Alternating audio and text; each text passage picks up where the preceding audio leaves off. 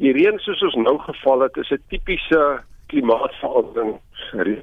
Kolkol, baie plekke min, baie plekke baie groot storms wat ook skade veroorsaak het en baie van daai water het weggeloop as gevolg van wat daar nie genoeg gras is om die water terug te hou nie, so dit is in die stelsel in. Daai mense wat nou gehoop het op 'n goeie nareën, is daar mense in die land wat wel 'n oes sal hê as gevolg van reën wat hulle nou onlangs gekry het? Natuurlik.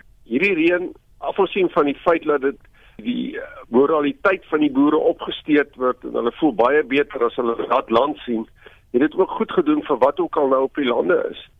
En die realiteit is ook wat van die gesaaides later as van baie skade het. So daai gesaaides kan in 'n mate herstel, maar dit gaan in sommige gevalle nie so wees dat daar wonderlike oeste is nie. Die goed wat op die regte tyd geplant is, gaan 'n opbrengs gee. Ons het reën nodig nie net vir die gesaaides nie. Ons het onlangs die statistiek gekry vir die droogtegebiede oor die hele land. En as jy gaan kyk, dan is die realiteit vir die afgelope 5, 6 jaar, in sommige gevalle tot 7 jaar, is dit ver onder normale reën. So ons ondergrondse waterbronne is oor onder enorme druk.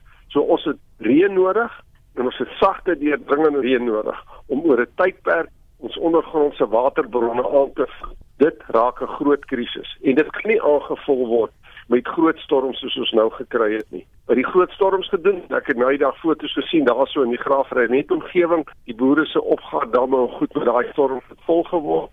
En natuurlik is dit baie goed. Die uitvoerende hoof van Graan Suid-Afrika, Janie de Villiers, sê hoewel hy die indruk kry dat van die eerste aangeplante graan in sekere gebiede beskadig is in die goeie afgelope reën, kan die ruim neerslag baie goed wees vir die latere aanplantings. Dit lyk of dit redelik wyd geval het. Ek dink die meeste ouens het gekry.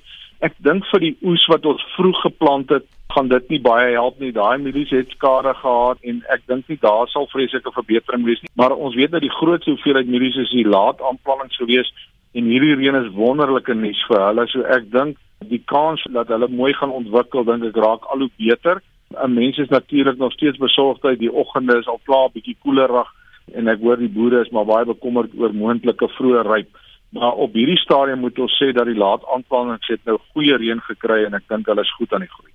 Die oeskattingskomitee het op 13 Februarie die oeste vir kommersiële wit en geel mielies hersien. Die oeste wat nou in die vooruitsig gestel word, is altesaam so wat 420 000 ton minder as wat in September verlede jaar geskat is.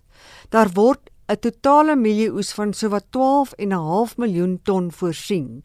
Wat kommersiële sonneblom betref, is die oeskatting egter effens beter en word dit nou op oor die 860 000 ton geraam. Sojabone is 'n bietjie laer en word nou op net meer as 1,5 miljoen ton gereken. Hulle het gesê dat dit met 400 000 ton oorskat. Mens kan op ligfoto's werk en dan kan jy sien daar's 'n mielie geplant. Maar dan moet jy grondvlak toe gaan en dan gaan jy sien die mielies is enkel hoogte en hulle is in saad. Dan tel jy nie 2 of 3 tonne hektaar En ek dink dit is waar die probleem is. Hierdie jaar aan die einde het ek noordwes toe gery. Dan sien ek 10% van die lande is geplant. Wat daar spulpunte staan, vier spulpunte, slegs een spulpunt geplant.